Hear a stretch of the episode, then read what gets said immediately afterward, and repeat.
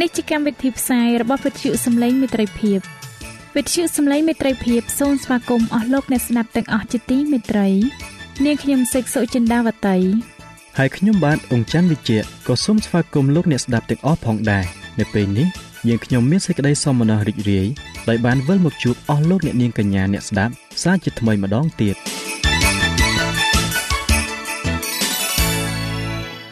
នាងខ្ញុំសេកសុចិន្តាវតី សូមជម្រាបជូនកម្មវិធីផ្សាយដែលមានជាបន្តបន្ទាប់ដូចតទៅនេតិជំហានទៅកាន់ព្រះគ្រីស្ទនេតិផ្លូវសម្រាប់ជីវិត ចា៎លោកអ្នកស្ដាប់ជាទីមេត្រី នាងខ្ញុំសូមគោរពអញ្ជើញអស់លោកលោកស្រី អ្នកនាងកញ្ញាតាមដានស្ដាប់កម្មវិធីផ្សាយរបស់វិទ្យុយើងខ្ញុំដូចតទៅ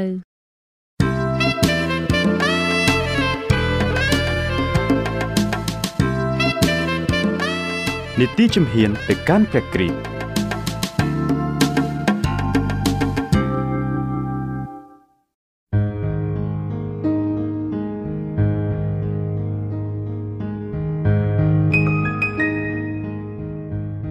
នាងខ្ញុំសេកសុចិន្តាបតីសូមជម្រាបសួរអស់លោកលោកស្រីអ្នកនាងកញ្ញានិងប្រិយមិត្តអ្នកស្ដាប់ជាទីមេត្រីនេះជាការប្របីណាស់ដែលនាងខ្ញុំមានកិត្តិយសដែលបានវិលមកវិញសាច់ជាថ្មីនៅក្នុងនេតិជំហានទៅកាន់ព្រះគ្រីស្ទ នៅក្នុងពេលនេះនឹងខ្ញុំសូមលើកយកវគ្គបញ្ចប់ដែលមានចំណងជើងថា ការសាកល្បងនៃសាវកភាព មកជម្រាបជូនអស់លោកអ្នកស្ដាប់សូមចូលរួមស្ដាប់ដូចតទៅលើពីនេះទៅទៀតព្រះគ្រីស្ទបានផ្លាស់ប្ដូរទឹកចិត្តរបស់អ្នកព្រះអង្គទ្រង់គង់សន្តិដ្ឋនៅក្នុងចិត្តអ្នកដោយក្តីជំនឿអ្នកត្រូវរក្សាទំនាក់ទំនងជាមួយព្រះគ្រីស្ទដោយសេចក្តីជំនឿនិងការចោះចូលទាំងស្រុងជាមួយទ្រង់ជារៀងរាល់ថ្ងៃបើអ្នកនៅតែប្រព្រឹត្តដូចនេះ ព្រះអង្គនឹងធ្វើការនៅក្នុងចិត្តអ្នកហើយអ្នកនឹងប្រព្រឹត្តតាមព្រះハរតីទ្រង់ដោយអំណរដូច្នេះអ្នកនឹងពោលដោយបានចែងទុកនៅក្នុងព្រះគម្ពីរកាឡាទីចំពុក2ខ20ថាខ្ញុំរស់នៅក្នុងសាច់ឈាមឥឡូវនេះនោះរស់ដោយសេចក្តីជំនឿជឿដល់ព្រះរាជបុត្រាដែលទ្រង់ស្រឡាញ់ខ្ញុំក៏បានប្រគល់អង្គទ្រង់ជំនួសខ្ញុំហើយព្រះយេស៊ូវគ្រីស្ទមានប្រាប់បន្ទូលទៅកាន់សាវករបស់ទ្រង់នៅក្នុងព្រះគម្ពីរម៉ាថាយចំពុក10ខ20ថា ត្បិតមិនមែនជាអ្នករកគ្នាដែលនិយាយទេ គឺជាព្រះវិញ្ញាណរបស់ព្រះវរបិតានៃអ្នកទេតា ដែលទ្រង់មានបន្ទូលនៅក្នុងខ្លួនអ្នកវិញដែលមានព្រះគ្រីស្ទគង់សន្តិដ្ឋក្នុងខ្លួនអ្នកនោះអ្នកនឹងសម្ដែងឲ្យឃើញនៅព្រះវិញ្ញាណរបស់ព្រះនិងប្រព្រឹត្តអំពើល្អដោយជាទ្រង់បានធ្វើ គឺជាការងារនៃអំពើសុចរិតនិងការគោរពប្រណិប័តដូច្នេះយើងគ្មានអ្វីក្នុងខ្លួនយើង សម្រាប់ឲ្យយើងអួតក្អេងក្អាងឡើយ គឺក៏គ្មានជាគ្រឹះសម្រាប់លើកដំកើងខ្លួនឯងដែរពលគឺមានតែគ្រឹះតែមួយគត់ដែលជាសេចក្តីសង្ឃឹមរបស់យើង គឺភាពសុចរិតនៃព្រះគ្រីស្ទយេស៊ូវដែលសន្តិដ្ឋក្នុងខ្លួនយើង ហើយមានរូបរាងឡើងដោយសារព្រះវិញ្ញាណបរិសុទ្ធ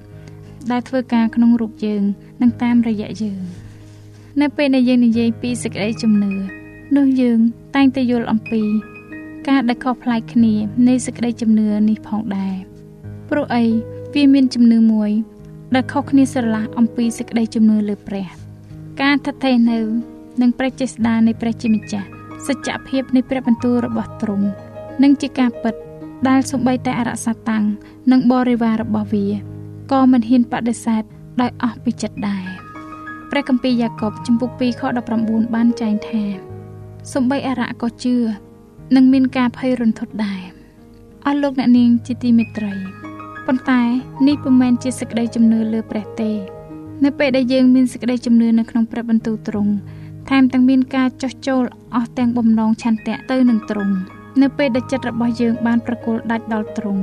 ហើយសេចក្តីស្រឡាញ់របស់យើងបានភ្ជាប់ទៅនឹងទ្រង់នោះហើយជាសេចក្តីជំនឿទុកចិត្តលើព្រះសេចក្តីជំនឿទុកចិត្តលើព្រះនេះគឺជាការរួមចំណែកដែលសម្រេចឡើងដោយសេចក្តីស្រឡាញ់និងការញ៉ាំងឲ្យប្រលឹងបានបរិសុទ្ធផង។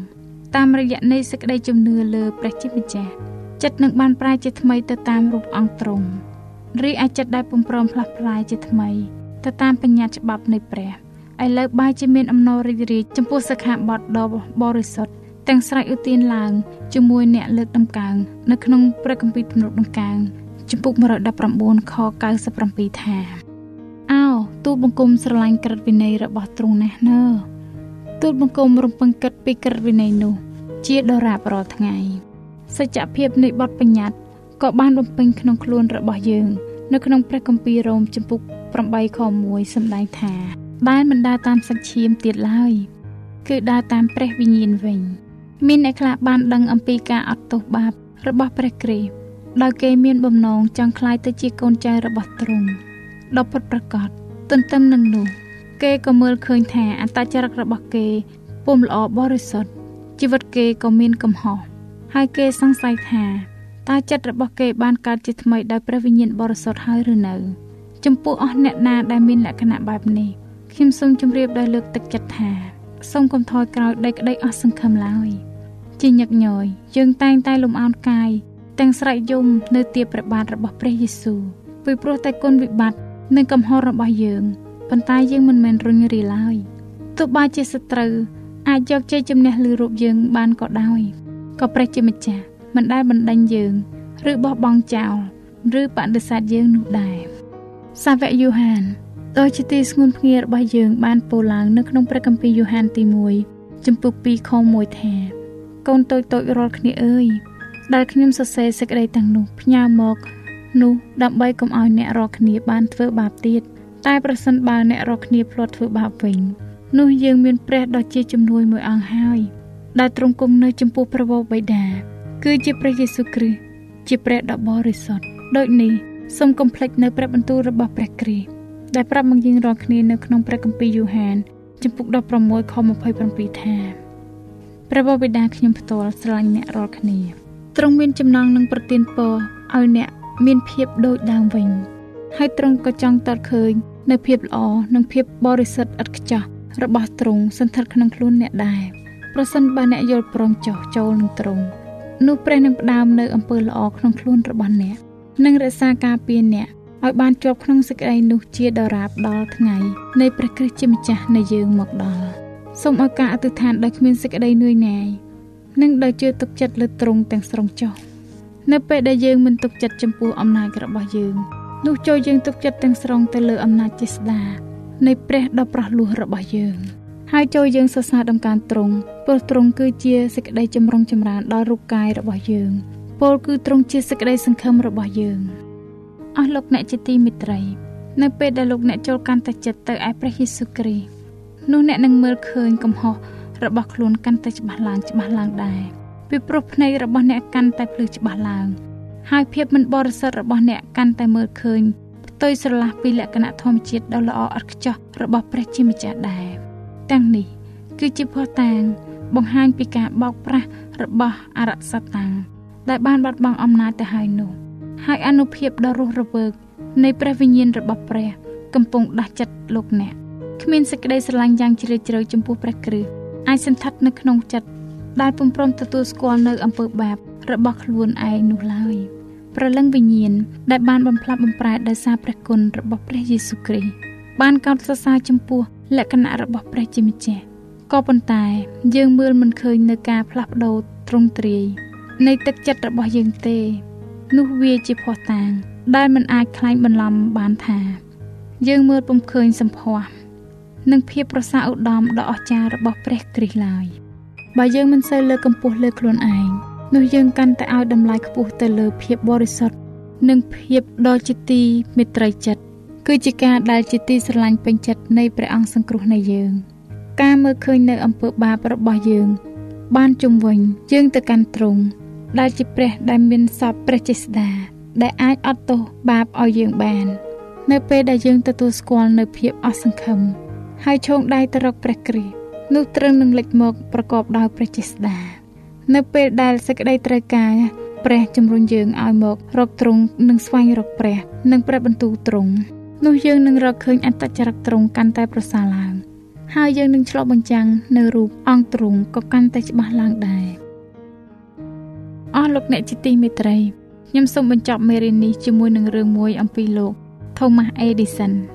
អ្នកណាក៏ដឹងដែរថាលោក Thomas Edison បានរកឃើញភ្លើងអគ្គិសនីប៉ុន្តែការដែលមនុស្សទាំងឡាយមិនបានដឹងនោះ គឺការដែលកើតមានឡើងមុនការរកឃើញរបស់គាត់ហើយទម្រាំតែបានឃើញអគ្គិសនីដែលអាចប្រើប្រាស់បានដោយសវត្ថភាពនោះលោក Thomas Edison បានឆ្លងកាត់ការពិសោធន៍ដែលមិនបានសម្រេចផលនោះរាប់ពាន់ដង នៅពេលនោះប្រសិនបើលោកអស់សង្ឃឹមនៅរាល់ការងារដែលលោកពុំបានសម្រេចនោះ លោកប្រកាសជាមិនបានរកឃើញភ្លើងអគ្គិសនីសម្រាប់មនុស្សជាតិប្រើប្រាស់សប្តាហ៍នេះឡើយលោក Thomas Edison និងសហការីរបស់លោកក៏បានទទួលបរាជ័យរាប់ពាន់ដងទៀតដែរនៅក្នុងការដែលលោកប្រឌិតធ្វើធុងអាគុយអគ្គិសនីទំប្រំបានទៅជារបស់ប្រើការបាន នៅពេលដែលមិត្តភ័ក្តិរបស់លោកបានជួយកំសាន្តចិត្តលោកលោក Thomas Edison បានពោលថាហេតុម្ដេចនើខ្ញុំបានរកឃើញលទ្ធផលជាច្រើន តែឥឡូវនេះ ខ្ញុំដឹងថា ការរាប់ពាន់មុខទៀតដែលមិនអាចដំណើរការបានជួនកាលវាហាក់បីដូចជា អ្នកខិតខំយ៉ាងណាក៏ដោយ តែអ្នកនៅតែមិនអាចសម្រេចការនោះបានត្រឹមត្រូវទៅបាន ជាភពសំណាងរបស់យើងហើយដោយព្រោះព្រះនៃយើងទ្រង់មិនរំពឹងឲ្យយើងល្អឥតខ្ចោះនោះដូចនេះសូមលោកអ្នកចូលមកឲ្យទ្រង់នៅពេលឥឡូវនេះចុះសូមព្រះប្រទានពរអាមែន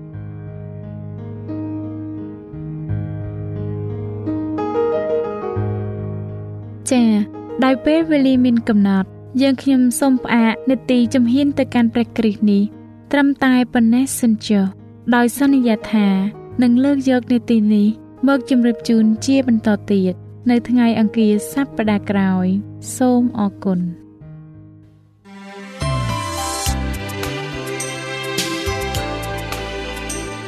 វិទ្យុសំឡេងមេត្រីភាព AWR ជាវិទ្យុដែលនាំមកពី ក្នុងការនាំព្រះរាជសាររបស់ព្រះជាម្ចាស់សម្រាប់លោកអ្នក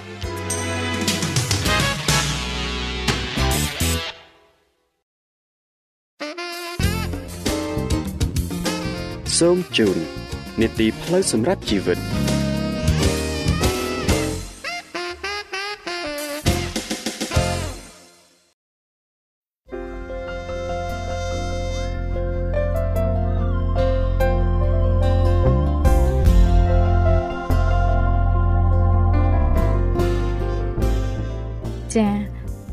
ស់លោកអ្នកស្ដាប់ជាទីមេត្រី ជាបន្តទៅទៀតនេះនាងខ្ញុំសូមអញ្ជើញអស់លោកអ្នកនាងតាមដានស្ដាប់នាទីផ្លូវសម្រាប់ជីវិត កាលពីមេរៀនទី20លោកអ្នកបានស្ដាប់រួចមកហើយ អំពីសន្តិភាពរយៈពេល1000ឆ្នាំហើយនៅថ្ងៃនេះលោកអ្នកនឹងបានស្ដាប់មេរៀនថ្មីមួយទៀតដែលមានចំណងជើងថាតើស្ថានរុជាអ្វីហើយស្ថានរុនោះនៅឯណា ចា៎យើងខ្ញុំជឿជាក់ថាលោកអ្នក ពិតជាធ្លាប់ឮគេនិយាយតៗគ្នាពីឋាននរកតើស្ថាននរកជាអ្វីហើយស្ថាននរកនោះនៅឯណាដែរហើយតើស្ថាននរកនោះពិតប្រាកដដែរឬទេចា៎ដើម្បីឲ្យលោកអ្នកបានយល់កាន់តែច្បាស់ពីស្ថាននរកនាងខ្ញុំសូមគោរពអញ្ជើញអស់លោកអ្នកនាងតាមដានស្ដាប់មេរៀនទី21ភាគទី2ជាភាគបញ្ចប់ដែលនឹងជម្រាបជូនដោយលោកអង្គច័ន្ទវិជ្ជៈដូចតទៅ នីតិផ្លូវសម្រាប់ជីវិតតើស្ថានភាពជាអ្វីហើយនៅឯណាចំណុចទី4ព្រះនៃសេចក្តីស្រឡាញ់មួយអង្គតើព្រះយេស៊ូវទ្រង់ឆ្វេងយល់យ៉ាងណា ចំពោះការកំទេចចោលនៃពួកមនុស្សវង្វេងព្រះគម្ពីរអេសេគៀលចំពុក33ខ11បានចែងថាចូលប្រាប់គេថាព្រះអង្គម្ចាស់យេហូវ៉ាទ្រង់ស្បត់ថាដូចជាអញរស់នៅនឹងប្រកាសជាអញមិនរីករាយចំពោះសេចក្តីស្លាប់របស់មនុស្សអាក្រក់ឡើយ គឺចូលចិត្តឲ្យគេលះចោលផ្លូវរបស់ខ្លួន ហើយមានជីវិតរស់នៅវិញទេតាចូលឲ្យឯងរកគ្នា បែរមកចូលបែរមកពីផ្លូវអាក្រក់របស់ខ្លួនចោះត្បិតឲ្យពួកវងអ៊ីស្រាអែលអើយហេតុអ្វីបានជាចង់ស្លាប់យ៉ាងដូចនេះអើបើអញ្ចឹងហេតុអ្វីបានជាមនុស្សមិនព្រមស្ដាប់ព្រះយេស៊ូវនៅពេលនេះហេតុអ្វីបានជាមិនព្រមទទួលយកសេចក្តីស្រឡាញ់របស់ទ្រង់ហើយដើរតាមទ្រង់គ្រប់ជំហាននៅពេលនេះហេតុអ្វីបានជាគេជៀសចេញ មិនព្រមគោរពតាមព្រះយេស៊ូវរហូតតតែហួសពេលវេលាអស់យ៉ាងនេះហេតុអ្វីទៅ បានជាពួកគេស្លាប់នៅក្នុងអំពើរបស់គេយ៉ាងនេះតើព្រះអកប្បកិរិយារបស់ព្រះយេស៊ូវយ៉ាងណា ចំពោះកិច្ចការដោយក្តីទុក្ខព្រួយនៃការកំទេចពួកអ្នកវង្វេងចោលនោះព្រះគម្ពីរអេសាយជំពូក28ខ21បានសម្ដែងប្រាប់ថាដោយព្រោះព្រះយេហូវ៉ាទ្រង់នឹងក្រោកឈរឡើងដើម្បីឲ្យទ្រង់បានធ្វើការរបស់ទ្រង់ គឺជាការយ៉ាងប្លែកហើយនឹងសម្រេចកិច្ចរបស់ទ្រង់គឺជាកិច្ចយ៉ាងប្លែកដែរអស់លោកអ្នកស្ដាប់កិច្ចការដ៏រន្ធត់នៃការកំទេចចោលពួកអ្នកវង្វេងជាកិច្ចការយ៉ាងប្លែកចំពោះព្រះយេស៊ូវមួយជីវិតពេញរបស់ព្រះអង្គគឺសម្រាប់ចំណាយពេលនិងធ្វើពលិកម្មដើម្បីជួយនឹងសង្គ្រោះមនុស្សលោកគឺជាពេលវេលាប្រកបដោយក្តីភ័យខ្លាចហើយរន្ធត់ញាប់ញ័រខ្លោចផ្សាក្នុងព្រះទ័យរបស់ព្រះអង្គ ពេលដែលព្រះយេស៊ូវទ្រង់យាងមកនៅពេលក្រោយដើម្បីធ្វើកិច្ចការរបស់ទ្រង់ជាកិច្ចយ៉ាងប្លែករបស់ទ្រង់ក្នុងការកំទេចចោលពួកអ្នកដែលពុំព្រមទទួលសេចក្តីអំពាវនាវអង្វរហៅរករបស់ព្រះអង្គហើយចំពោះអ្នកណាដែលពុំព្រមទទួលព្រះអង្គដែលទ្រង់ប្រគល់ជីវិតអង្គទ្រង់សម្រាប់គេរឿងដ៏ចម្លែកមួយគួរឲ្យអាណោចធម៌នោះបានត្រូវគេយកមកបោះពុំផ្សាយក្នុងសារព័ត៌មានកាលពីប្រមាណឆ្នាំមុននេះ ស្ដីអំពីពួកពេជ្ឈឃាតប្រចាំមន្ទីរពន្ធនាគារខ្លះត្រូវគេប្រាឲ្យប្រហារជីវិតពួកជនក្រិតជាឃាតករយ៉ាងកំណាចខ្លះដោយឆក់នឹងខ្សែភ្លើងនៅពេលវេលាដ៏រន្ធត់បានមកដល់ពួកពេជ្ឈឃាតក៏បានចេញមកបំពេញករណីកិច្ចរបស់ខ្លួនសូមលោកអ្នកស្រមៃមើលតើពេជ្ឈឃាតមានការរន្ធត់ប៉ុណ្ណាកាលបើខ្លួនបានស្គាល់ថាជនក្រិតនោះជាមិត្តភ័ក្តិយ៉ាងជិតស្និទ្ធរបស់ខ្លួន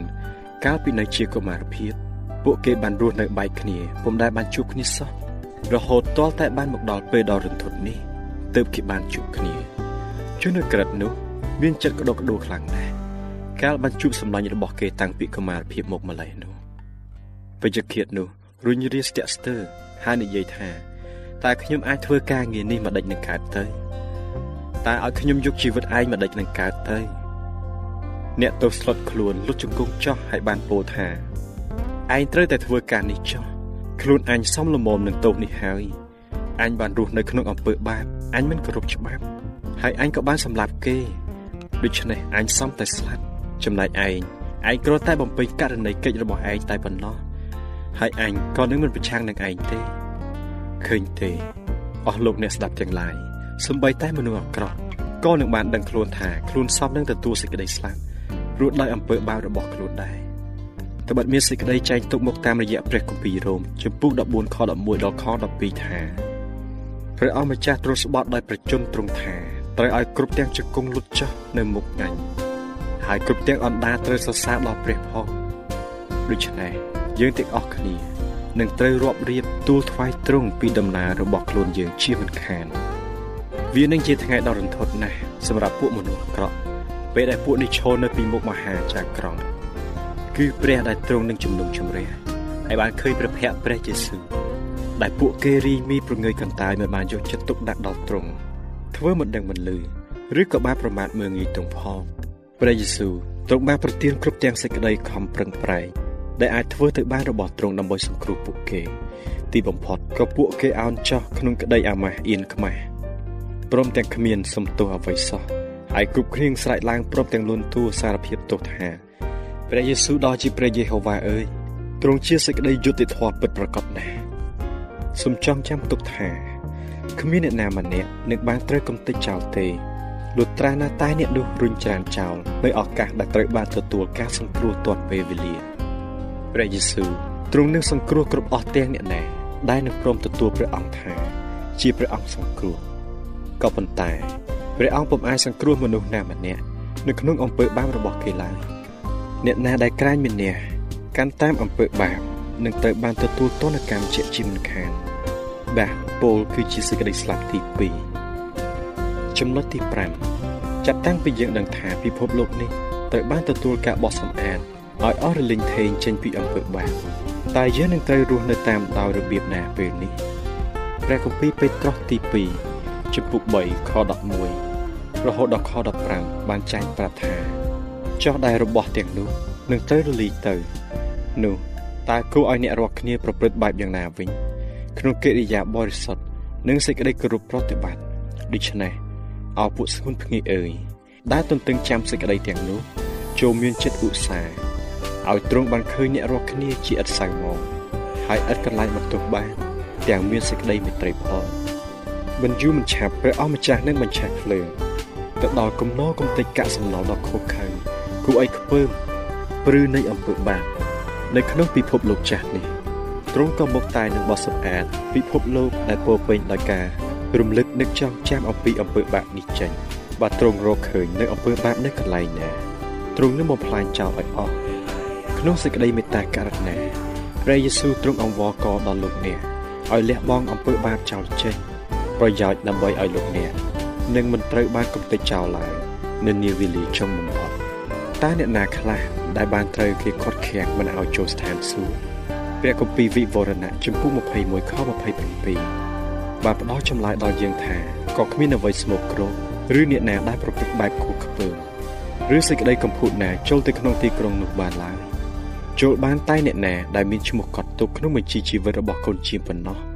ហើយព្រះគម្ពីរវិវរណៈចំពុ20ខ15ក៏បានផ្ដល់ចម្លើយដល់យើងផងដែរថាបើអ្នកណាគ្មានឈ្មោះកត់ទុកក្នុងបញ្ជីជីវិត អ្នកនោះត្រូវបោះចោលទៅក្នុងបឹងភ្លើងដូច្នេះតើលោកអ្នកពុំព្រមលះបង់នៅគ្រប់អស់ទាំងអំពើបាបរបស់លោកអ្នកចោលចេញហើយប្រគល់ថ្វាយចិត្តថ្លើមរបស់លោកអ្នកទៅកាន់ព្រះយេស៊ូវពីពេលឥឡូវនេះទៅទេដែរឬអីគ្មានចិត្តដែលប្រឡាក់ទៅដោយអំពើបាបណាមួយអាចចូលទៅស្ថានសួគ៌បានទេ គឺអំពើបាបនោះហើយ ដែលបានបោះដៃគោលភ្ជាប់ព្រះយេស៊ូវទៅនឹងឈើឆ្កាងលោកអ្នកនឹងពុំព្រមបោះបង់នៅអំពើបាបចោលចេញទេដែរឬអី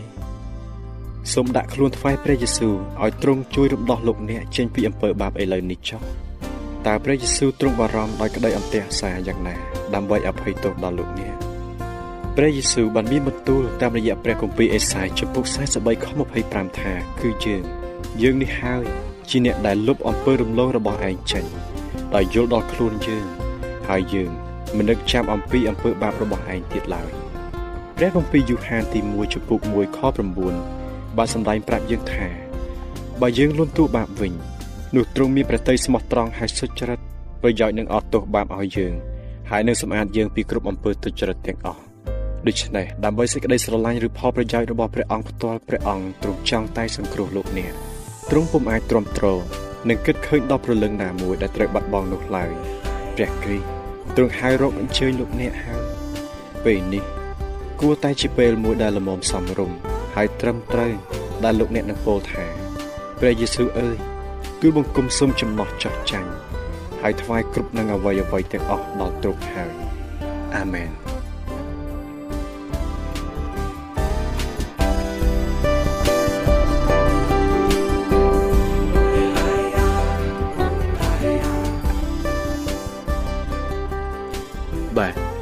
លោកអ្នកស្ដាប់ជាទីមេត្រី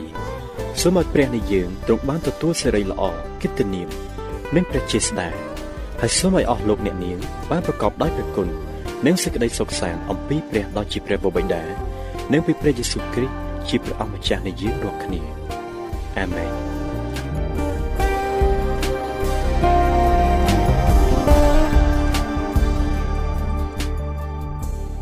ចា៎បងប្អូនប្រិយមិត្តអ្នកស្ដាប់ជាទីមេត្រី ដោយពេលវេលាមានកំណត់យើងខ្ញុំសូមផ្អាកនីតិផ្លូវសម្រាប់ជីវិតនេះ ត្រឹមតែប៉ុណ្ណេះសិនចុះដោយសន្យាថានឹងលើកយកនីតិនេះមកជម្រាបជូនជាបន្តទៅទៀតនៅថ្ងៃពុធសប្តាហ៍ក្រោយ សូមអរគុណ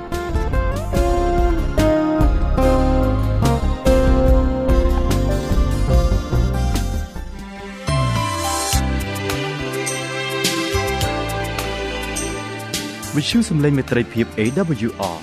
មានផ្សាយពីរដងក្នុងមួយថ្ងៃ គឺព្រឹកនៅម៉ោង6និងពេលយប់នៅម៉ោង8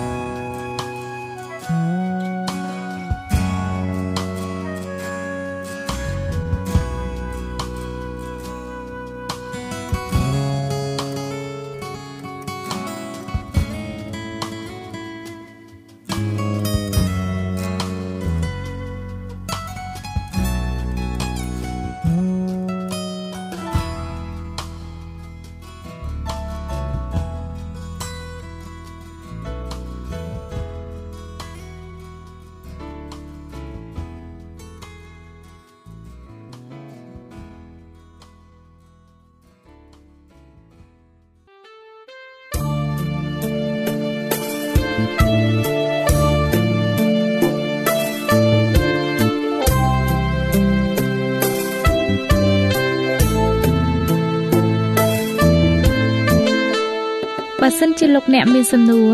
ឬសំណុំពរអ្វីសូមតាក់ទងមកការិយាល័យវិទ្យុយើងខ្ញុំ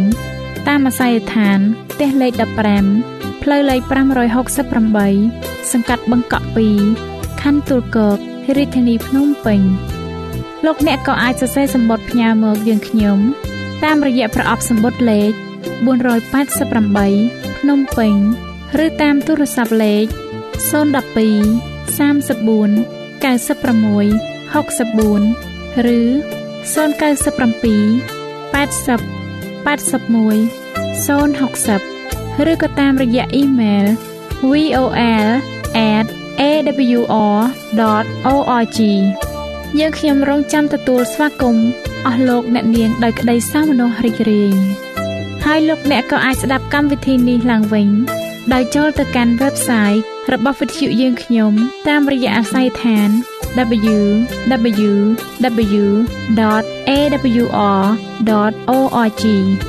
លោកអ្នកនាងកញ្ញាជាទីមេត្រី កម្មវិធីផ្សាយរបស់វិទ្យុសំឡេងមេត្រីភាពនៅពេលនេះសូមបញ្ចប់តែប៉ុណ្ណេះយើងខ្ញុំសូមអរគុណចំពោះការតាមដានស្ដាប់របស់អស់លោកអ្នកតាំងពីដើមរហូតដល់ចប់យើងខ្ញុំសូមជូនពរឲ្យអស់លោកអ្នកនាងកញ្ញាទាំងអស់ បានចម្រើនឡើងក្នុងព្រះគុណព្រះអង្គម្ចាស់ហើយក្នុងការទទួលយកព្រះយេស៊ូវគ្រីស្ទជាព្រះអង្គម្ចាស់និងជាព្រះអង្គសង្គ្រោះនៃយើងរាល់គ្នានាទីផ្សាយរបស់វិទ្យុយើងខ្ញុំនឹងវិលមកជួបអស់លោកអ្នកសាជាថ្មីម្ដងទៀតនៅថ្ងៃស្អែកវេលាម៉ោងដដែលនាងខ្ញុំសេកសុចិន្តាវតីនិងខ្ញុំបាទអ៊ំច័ន្ទវិជ្ជៈសូមអរគុណសូមជម្រាបលា